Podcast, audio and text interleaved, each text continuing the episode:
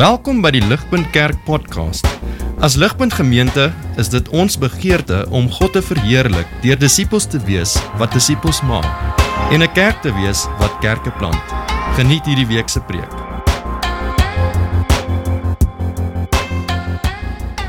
Ek begin met 'n bietjie van 'n recap en dan gaan ek vir ons 'n groot vraag gee en dan gaan ek vir ons bid soos wat ons na die woord toe gaan.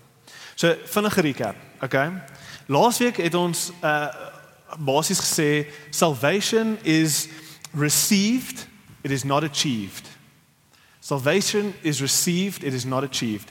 Dit is een van daai predikers wat love om te rym. Ek het dit gesteel by hom. Dis nie my genius nie, maar ek like it. Salvation is received, it is not achieved. Christendom gaan oor genade wat ontvang is. Primêr is Christendom anders as elke liewe ander godsdiens in die hele wêreld. Want primêr gaan godsdiens nie oor wat jy moet doen nie, maar oor wat jy ontvang het by Jesus Christus. Anders as enige ander godsdiens. Nou, dis hoekom ons gesê het laasweek ons moet versigtig wees. Want hoe ons die jaar wil begin is met die fokus op alles wat fout is in ons lewens. Ons wil die jaar begin met nuwejaarsvoorneme wat basies 'n wet is wat ons vir onsself opstel sodat ons weer kan goed voel oor onsself en ons gaan al die amazing goeders doen. En dan word dit amper ons Christendom. Ek is amazing as ek hierdie goed kan doen. Nee, wag, wees versigtig. Wees versigtig. Christendom wil jou innooi om die jaar te begin deur te, te rus in wat reeds vir jou gegee is. Fokus op die genade, hoor die genade, hoor wat Jesus vir jou gedoen het. Jesus se uitnodiging laasweek was ek het jou red, ek het alles vir jou gegee. Salvation is received, not achieved. Kom rus. Kom kom sien wat ek vir jou gedoen het. Maar dan word die vraag wat ons hierdie week na wil kyk, maar as as alles wat ek het ontvang is uit Jesus uit, wat moet ek dan doen? Bly daar iets oor vir my om te doen? As alles reeds vervul is, is die taal van die van die Bybel, vervul is in Jesus. Ehm um, daar's nie 'n wet oor om te doen, daar's nie 'n paal om oor te spring nie, daar's nie reg of verkeerd nie. Alles is vervul in Jesus. Wat bly daaroor vir my om te doen? Die Bybel praat van 'n perfekte geregtigheid wat vir jou gegee is. Perfect righteousness. Jy's gekleed in Jesus se geregtigheid. So wanneer God na jou kyk, sien hy nie jou sonde nie. Hy sien Jesus se geregtigheid wat dan van van my? Ek voel nie geregtig nie. Ek voel nie heilig nie. Ek doen nie wat Jesus doen nie. Inteendeel beteken dit byvoorbeeld ek hoef nooit meer my Bybel te lees nie. Ek hoef nie ehm um, ek hoef nie op te vloek nie. Ek ek ek kan ek kan aangaan met my sonde, dis oukei. Okay. Ek ek kan aangaan met my sonde. Ek hoef nooit op te hou met my sonde nie want genade gaan my altyd red is dit die gevolgtrekking wat ons mag trek as Jesus alles gedoen het. Dis dis eintlik maar die vraag wat ons vanaand by wil stil staan. Ek wil daai vraag beantwoord. Nou as jy so sit en jy sê Johan, daai klink amazing, maar ek gee nie om oor daai goed nie. Ek gee nie om oor geregtigheid of of daai eh, teologiese goeters van ek het laasweek gemis, ek gee nie om nie. Great, ek het nog 'n vraag vir jou dieselfde vraag, maar ek wil op 'n ander manier stel sodat jy ook sal luister vanaand. Ek wil baie graag hê almal moet luister, okay? Die vraag vir jou is en dis dieselfde vraag, maar ek wil dit net van 'n ander angle af. Die vraag vir jou is wil jy iets in jou lewe verander vir die beter? Het jy ooit gewonder hoekom dit so moeilik is om iets in jou lewe te verander vir die beter? Kyk, baie mense verander vir die slegter. Baie mense wat ons ken, het vir verskeie redes daar buite in die wêreld, verskeie redes het slegter geword. Hulle gaan af, downward spiral, boef, ontplof. Lewe val uit mekaar uit baie mense. Dis eintlik heel eenvoudig om dit reg te kry. Maar hoe moeilik is dit nie om aan die ander kant toe te gaan nie? Om werklik iemand te wees wat se lewe jaar na jaar verander vir die beter. Iemand wat werklik transformeer, maar maar goed transformeer. Woede in jou lewe word geduld.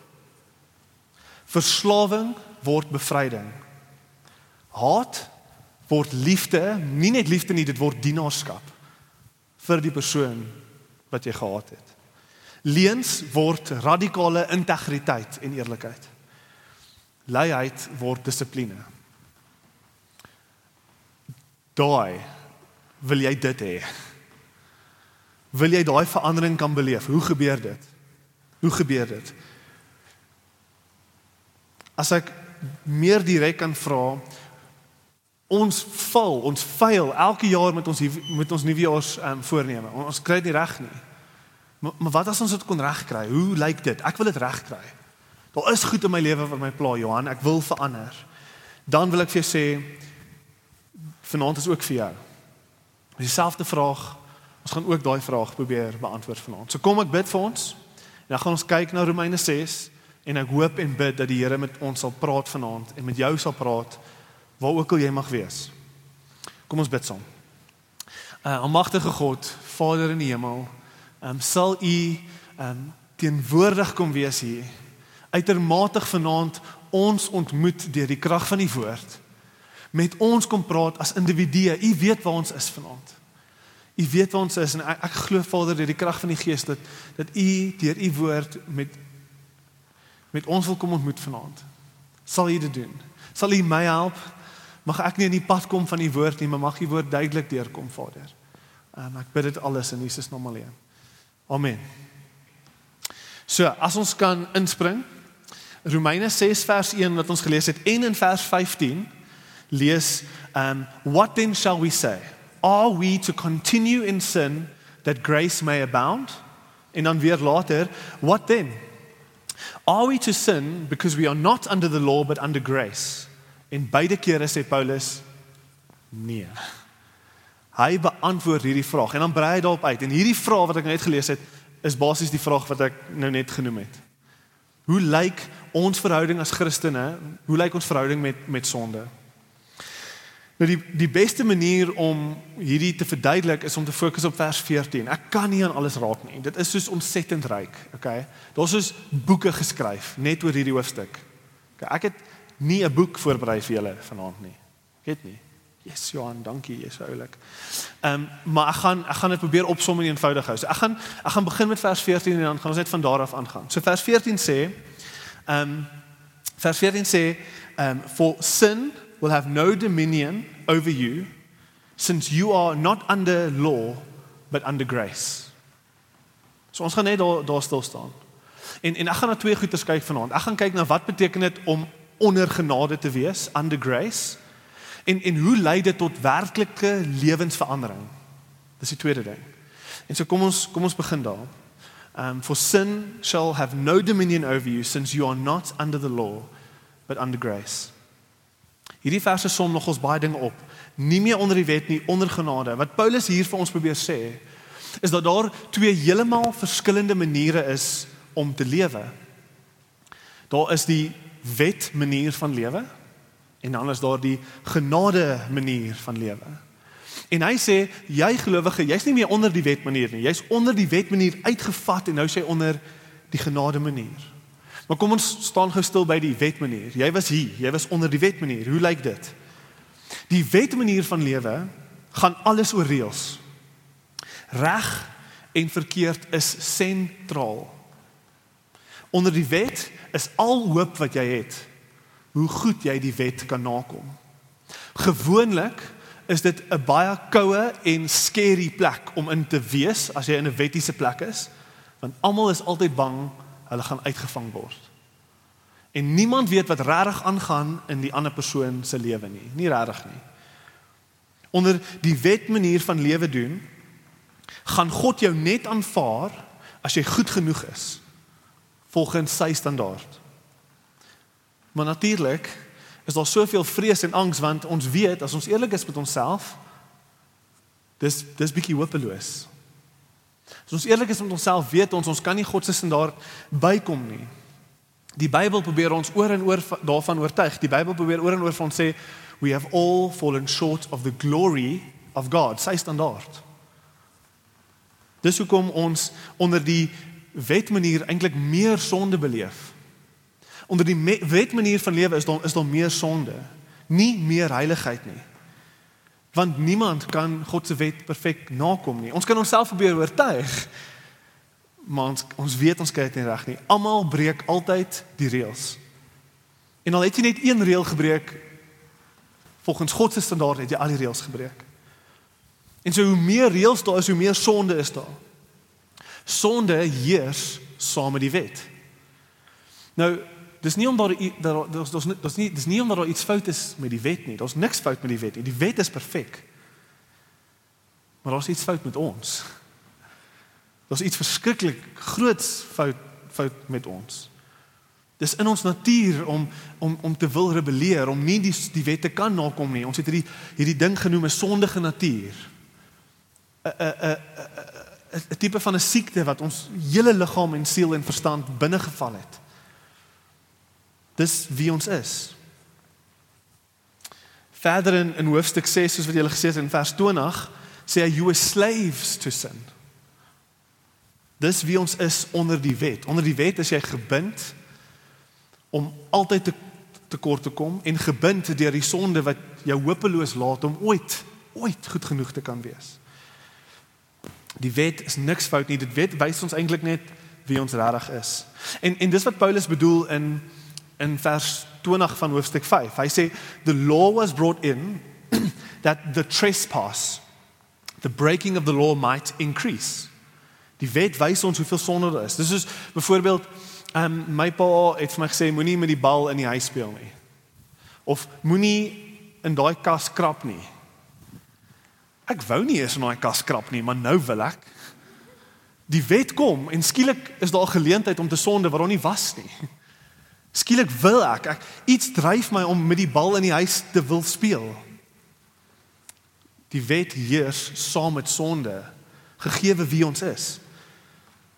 Daar is dan natuurlik soos ek so bietjie na verwys het saam met die wet baie vrees in ons lewens want want net soos ek elke oomblik vrees vir my pa om huis toe te kom en te sien ek het met die bal in die huis gespeel en daar's 'n venster gebreek net soos wat ek elke oomblik bang is hy kom huis toe en vang my uit so is dit onder die wet daar is in ons lewens teenoor God 'n geestelike vrees en onrus ons is bang ons is soos die Israeliete Daar's hierdie afstand tussen ons en God. God kom en hy verskyn aan die Israeliete op die berg en dis aardbewings en dis winde en dis blits, donderweer en en hulle soos Moses gaan jy asseblief. Hulle is letterlik bang vir God, soos Adam en Eva wat wegkruip in die tuin. Dis hoe ons voel teenoor God. Van ons weet onder die wet we just don't make it. We don't make the cut. Soos Adam en Eva weghardloop, kruip ons weg in ons sonde. Maar moenie verkeerd verstaan nie. Moenie verkeerd verstaan nie. Die Bybel wys ons ons kan baie baie mooi lyk aan die buitekant onder die wet. Kyk onder die wet kan jy soos Jesus sê, jy kan 'n whitewashed tomb wees. Dit is basies 'n baie baie mooi grafsteen. Lyk stunning. Yesie, dis amazing, maar jy binne is jy vol jy's vol dooie bene. Jy's dood binne. So onder die wettiese manier kan jy baie mooi lyk vir mense, baie impressive.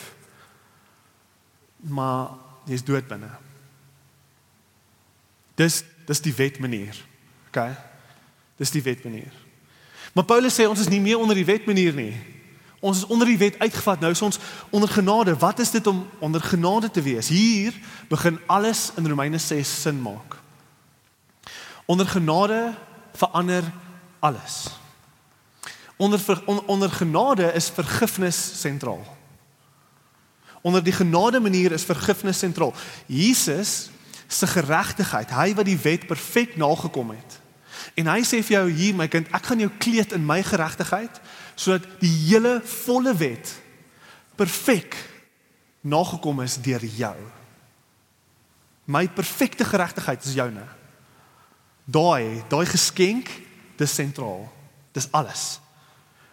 On, ons sien die wet. Maar ons is elke dag stom geslaan.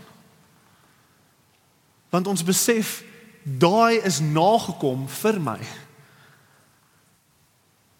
Ons sien ons sonde. Maar ons het altyd vrede. Want ons altyd iemand wat in ons plek staan. Dis dis presies wat wat wat vers 14 na probeer wys. Sin sal no longer have dominion over you. Wanneer genade heers, het sonde nie meer mag nie. Nie omdat die wet nie meer oor oor my hang nie, die wet hang daar maar maar omdat dit reeds namens my nagekom het, verloor die wet sy mag oor my en as die wet sy mag oor my verloor, verloor sonde sy mag oor my. Dis asof die die reël nie meer gebreek kan word nie want die reël is perfek nagekom as dit sin maak so te sê.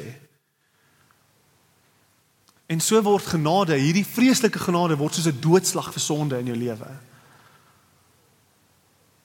En dit beteken ek hoef nie meer bang te wees nie. Vrees, kan julle sien hoe vrees wegval onder genade? Want ek hoef nie ek hoef nie meer bang te wees vir my pa wat huis toe kom nie. Want ek weet wat my pa gaan sê wanneer hy huis toe kom. Hy gaan my 'n drukkie gee en hy gaan sê my kind, jy is reeds vergewe. Soos hoekom is jy in 'n paniek? Jy is reeds vergewe. In plaas daarvan dat ek verder van God af wil weg te beweeg, ek staan in bewondering. Ek wil na hom toe kom. Wie is hierdie God? Wie is hierdie God wat hierdie vir my gedoen het? Wat ten spyte van my sonde alles tussen ons verwyder het sodat ek nader aan hom kan beweeg. Ek voel liefde. Ek voel dankbaarheid. Dis die genade manier van lewe. Dis wat Paulus sê die gelowige is. Ons is hier. Maar hoe? Hoe het ons daar uitgekom? Hoe het ons van die wet manier na die genade manier Hoe hoe het ons daai daai sprong gemaak? Die antwoord is dat 'n massiewe hartsverandering in jou lewe plaasgevind. Kyk na ehm um, weer na vers 1 tot 4. Gaan net vanaand weer vir ons lees. Ehm um, Paulus sê, "What then shall we say? Shall we go on sinning so that grace may increase?" Nee, nee, nee, nee, by no means. En hier hier gaan hy, hier verduidelik hy die verandering. Hy sê, "We are those who have died to sin." How can we live in it any longer? Or don't you know, Christian, that all of us who were baptized into Christ Jesus were baptized into his death? We were therefore buried with him through baptism into death, in order that, just as Christ was raised through the glory of the Father, we too may live a new life. Skielik praat hy oor oor die doop. Skielik skielik skielik is daar doop. Wie hier is gedoop? Die gedoopte hier is die gelowige, maar moenie dink fisies aan aan 'n doop nie. Paulus gebruik die doop as 'n illustrasie, 'n prentjie. Hy wil hê ons moet sien dat wat binne jou plaasvind, die oomblik wat jy jou hart vir Jesus gee, wat binne jou plaasvind, is soos jy wat onder die water gaan en 'n deel van jou verdrink. 'n Deel van jou word versmoor en gaan dood onder die water soos wat Jesus dood gegaan het. En soos wat Jesus opgestaan het en soos wat jy uit die water uitkom, is daar 'n nuwe lewe, 'n nuwe jy, 'n new life. Hy sê gelowige, jy jy kan nie aangaan met sonde nie. Jy is nie meer onder die wet nie, jy is onder genade omdat daai transformasie in jou lewe plaasgevind het. 'n Tipe van 'n dood tot lewe transformasie binne jou. Jy gaan af en jy verdrink en jy staan 'n nuwe lewe op. Dis dit dit raak soos bietjie crazy, dis bietjie abstrakt. Maar maar Jesus se lewe word word jou lewe. En soos wat hy dood gegaan het en opgestaan het, is daar 'n tipe van 'n krag wat wat jou hart tref die oomblik wat jy glo. En daai krag vat jou van die wet en sit jou nou onder genade en dit verander dit verander alles. Hierdie is 'n beginsel wat Paulus uitbrei, maar ons lees hiervan oral in die Bybel. So ons lees van ehm um, Jesus wat met Nikodemus praat. Hy sê Nikodemus, you have to be born again. Selfde ding. Innerlike transformasie, nuwe lewe. Esegiel in die Ou Testament praat van 'n hart van klip wat vervang moet word met 'n hart van vlees. Selfde ding. Selfde ding. Paulus gebruik hier die doop as 'n illustrasie, maar op ander plekke ehm um, praat hy van 'n hart wat skielik na God toe uitroep, Abba Vader. Daar was afstand tussen my en God, nou roep ek uit, God, Abba Vader. En dan sê hy, dis deur die Heilige Gees in jou wat jy kan uitroep, Abba Vader. En so dis die Gees, die Gees kom en woon in jou en bring nuwe lewe waar daar dood was en nou sê hy nie meer onder die wet nie, jy's onder genade. Wanneer ons glo hierdie is die punt. Wanneer ons tot geloof kom, gebeur daar meer met jou as wat jy ooit kon droom. Jy dink jy sit in 'n kerkdiens en en jy soos Jesus kom lewe in my hart en jy sê is great. Nee. Dit is al 100 keer meer as dit. Dis 'n 100 keer meer as dit. En ek wil duidelik maak dit dit gebeur en dit voel anders vir almal, okay?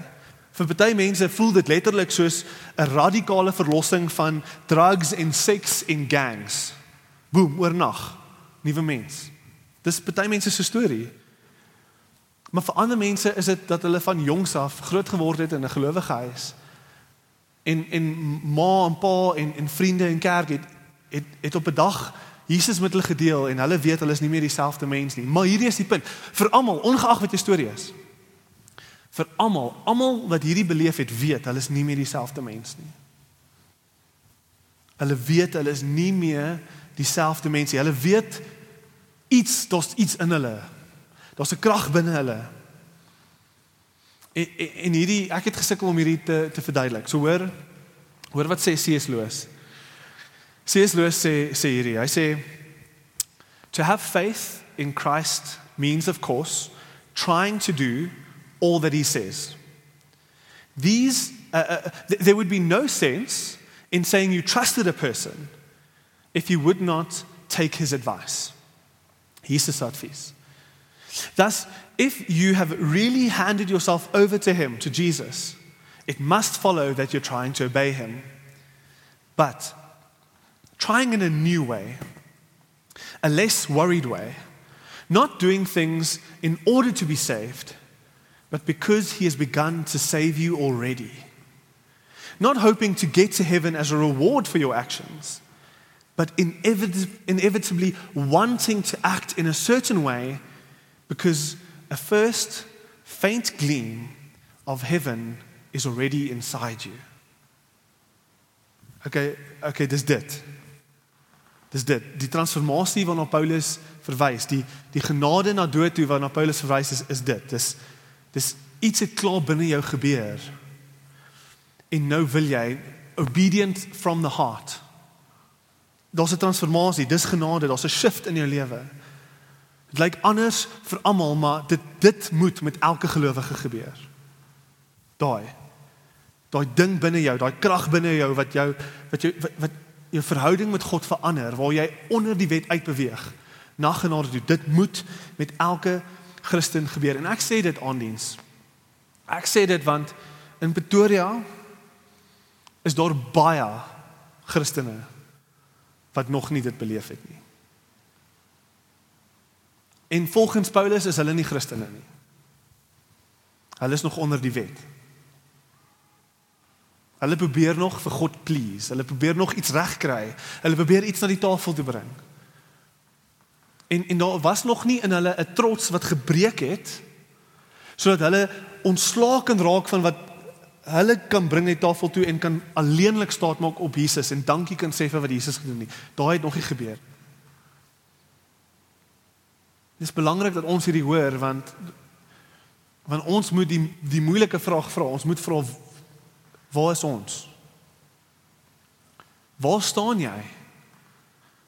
Onder wat is jy? Hoe lyk jou lewe? Hoe is jou verhouding met God? Is dit wetties? Is dit onder die wet manier of is dit onder die genade manier? Voel jy jy moet nog jouself bewys aan God? Of is wat Jesus gedoen het goed genoeg? Dis die vraag, baie belangrike vraag. As ek kan terugkom by die vraag wat ons gevra het in die begin. Hoekom is dit dat die Christen nie net sommer ehm um, sal doen wat hy wil nie? Die gelowige. Hoekom sal die Christen nie kan aanhou lewe in sonde nie? Al is daar eindelose genade. Wat is die een teken? Een teken wat wat werklik bewys jy jy het geskuif. Jy's nie meer onder die wet nie. Die antwoord daai vraag is Paulus sê want jy's nie meer dieselfde mens nie. Dis die antwoord. Jy's nie meer dieselfde mens nie. Dis hoekom jy nie wil nie. Iets het gebeur. Iets gebeur. Ja, ja, jy sukkel. Jy's nie perfek nie, maar jy's nie meer dieselfde mens nie. Ek wil ek wil julle Saint Augustine se se storie vertel. Saint Augustine is 'n teoloog in die 300s 400s AD. Okay, soos back in the day. Okay. From back in the day. Um en hy skryf sy storie. En sy storie is een van vreeslike seksuele verslawing. Okay, vreeslike seksuele verslawing. Hy praat van van soos friends with benefits, um honderde vrouens, prostituie, dis sy lewe gewees. Hy het homself oorgegee en hy was totaal en al verslaaf. Okay, dit was sy storie. En toe bekeer hy. Hy hy gee sy hart radikaal vir Jesus. Um en en hy bekeer, hy glo, hy hy vertrou vir Jesus. Hy sê so ek my lewe is gemors. Kom red my. Ek ek hy doen dit. En en net so rukkie na sy bekering lees ons in sy storie dat 'n vrou by die straat afloop en sy sien hom en sy gryp hom aan die arm en sy sê Augustine, it is I. En hy ignoreer haar. En die vrou dink hy het my geïgnoreer. Hy hy hy dalk het hy nie gesien wie wie ek is nie. Maar Augustine het presies geweet wie dit is. Dit was een van sy super gereelde casual flings. Dit was 'n girl wat hy misbruik het en oor en oor na toe gegaan het. En sy hardloop agter hom aan en sy gryp hom weer op die arm en, en sy sê hy moet weet wie ek is. En, en sy gryp hom weer arm en sy nooi hom weer uit sê Augustine it is I en en en sy nooi hom sy sê kom Dis tyd. Hierdie is wat ons nog altyd gedoen het. En Augustine kyk haar in die oë met soveel erns en met soveel liefde. En hy sê, "Yes, but it is not I." It is not I. Dis hoe die Christen voel oor sy sonde. Dis die Christen se verhouding oor sy sonde. Sonde kom soos altyd. Maar hy sê it is not I. Dis nie meer ek nie. Dis ek, maar dis nie meer ek nie. Ek is nie meer dieselfde mens nie. Daar iets met my gebeur. En ek wil vir jou sê, kan jy dit sê? Kan jy dit sê vir jou sonde? Dalk sit jy vanaand hier en jy sê Johan, dude, I've been faking it. Ek wil vir jou sê dis baie eenvoudig om terug te kom na Jesus toe. Dit is baie eenvoudig. Jesus is altyd oop vir jou. Altyd oop vir jou. Dit bring ons na die die tweede punt toe. Dis genade en en hoe wat dit beteken om onder genade in te kom. Okay, maar nou daai genade, hoe is daai genade krag vir my soos wat ek 'n sondaar is om aan te hou te groei vir die beter. Hoe is daai genade krag in my lewe? Want want jy kan sê Johan, dit klink amazing. Jy kan sê Paulus sê sin shall no longer be your master. En jy kan eerlik vir my sê nee, maar dit voel asof sonde nog baie powerful is. Jy kan sê great. Paulus sê we are those who have died to sin.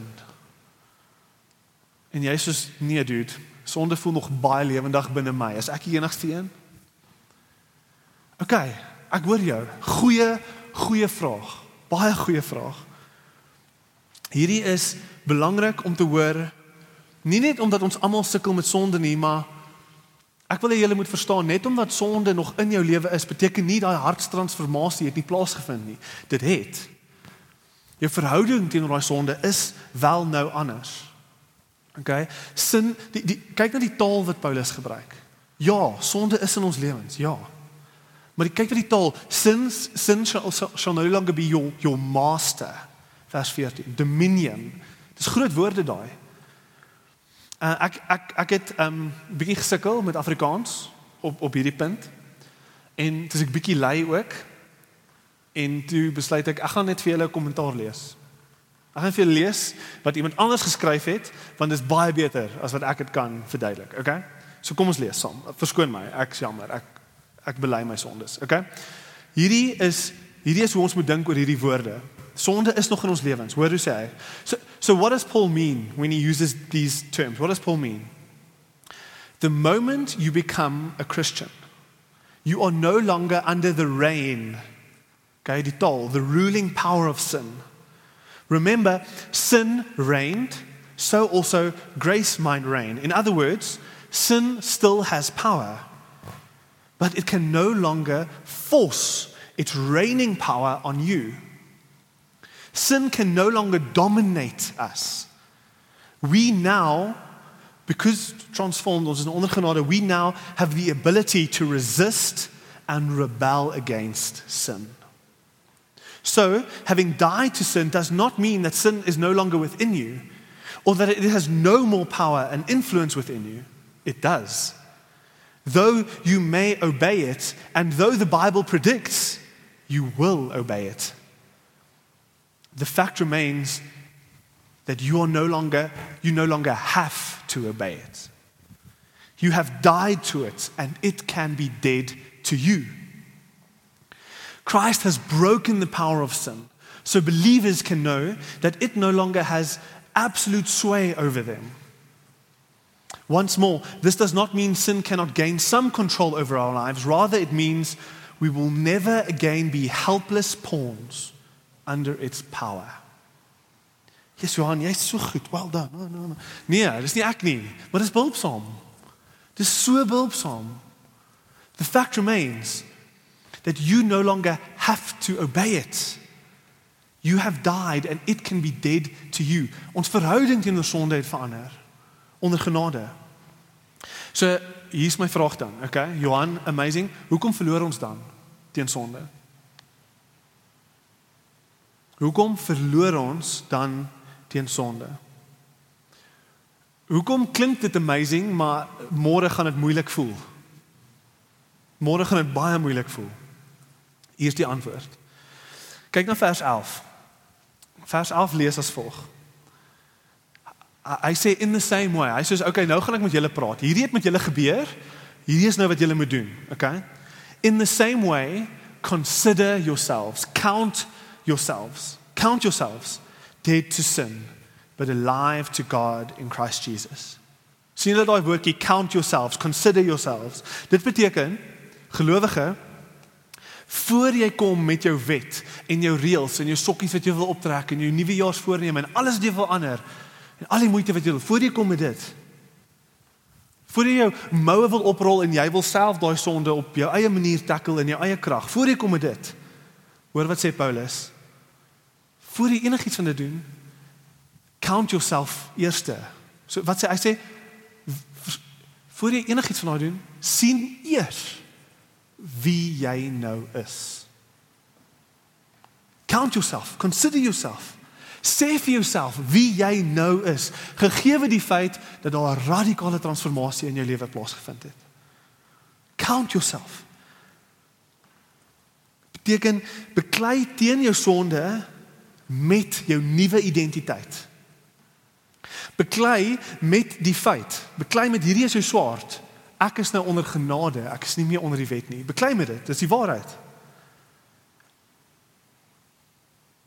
Sonde gaan oor en oor in jou lewe kop uitsteek. Die vraag is, wat gaan jy sê? Wat is wat is die ding wat uit jou mond uitkom wanneer jy jou sonde beleef? Paulus sê wat jy moet sê is hierdie is wie ek is. Ek moenie vergeet wie ek is nie. Ek moenie vergeet wat met my gebeur nie. I have to count myself. Ek moet vir myself sê wie ek is. Ek moet myself herinner, ek het 'n heeltemal 'n nuwe hart. Ek het nie 'n hart wat sê ek kan nie, ek kan nie, is te veel, is te moeilik. Ek het nie 'n hart wat sê dis dis dis te sterk, is te sterk, ek het probeer, maar ek kan nie, ek verloor heeltemal, ek kan nie, ek kan nie. Wees versigtig. Dis nie wat ons vir onsself moet sê in daai oomblik nie. Wat ons intedeel vir onsself moet sê is nee, nee, nee. Nee, per definisie sê Jesus, jy het reeds gewen per definisie het ek reeds gewen. Ja, hy ek Jesus sê jy's my kind. Wat jy sê daar, ek kan nie, ek het verloor. Dis 'n leuen. Jesus sê jy het reeds gewen. Jy's 'n kind. Jy het 'n radikale transformasie plaasvind en ons 'n nuwe krag in jou wat nee kan sê. Dis die swart. Dis wat jy mee moet beklei. Uh Piper, dis nie 'n quote nie, maar dis net 'n vinnige uh, one two jab. Dis baie cool. Piper sê fight your sin like a victor, not a victim. Boom, mic drop. Baie cool. Fight your sin like a victor, not a victim. Dis dis dis ek dis oulik. Dis ou, dis cool. So, daar's 'n baie bekende illustrasie wat no, ons nog gaan help. Ehm um, ek het dit gesteel. Ek het, ek het baie goed vir hierdie preek gesteel. Ehm um, dit is baie moeilik geweest hierdie week. Ehm um, en die illustrasie gaan so. Uh, in in Amerika se geskiedenis, soos wat julle sal weet, was daar ehm, 'n um, vreeslike lang tydperk van slawerny. Maar nie soos dis soos formele slawerny. Slawerny was in die wet ingeskryf. Jy kon slawe per wet verkoop en verkoop en so voort.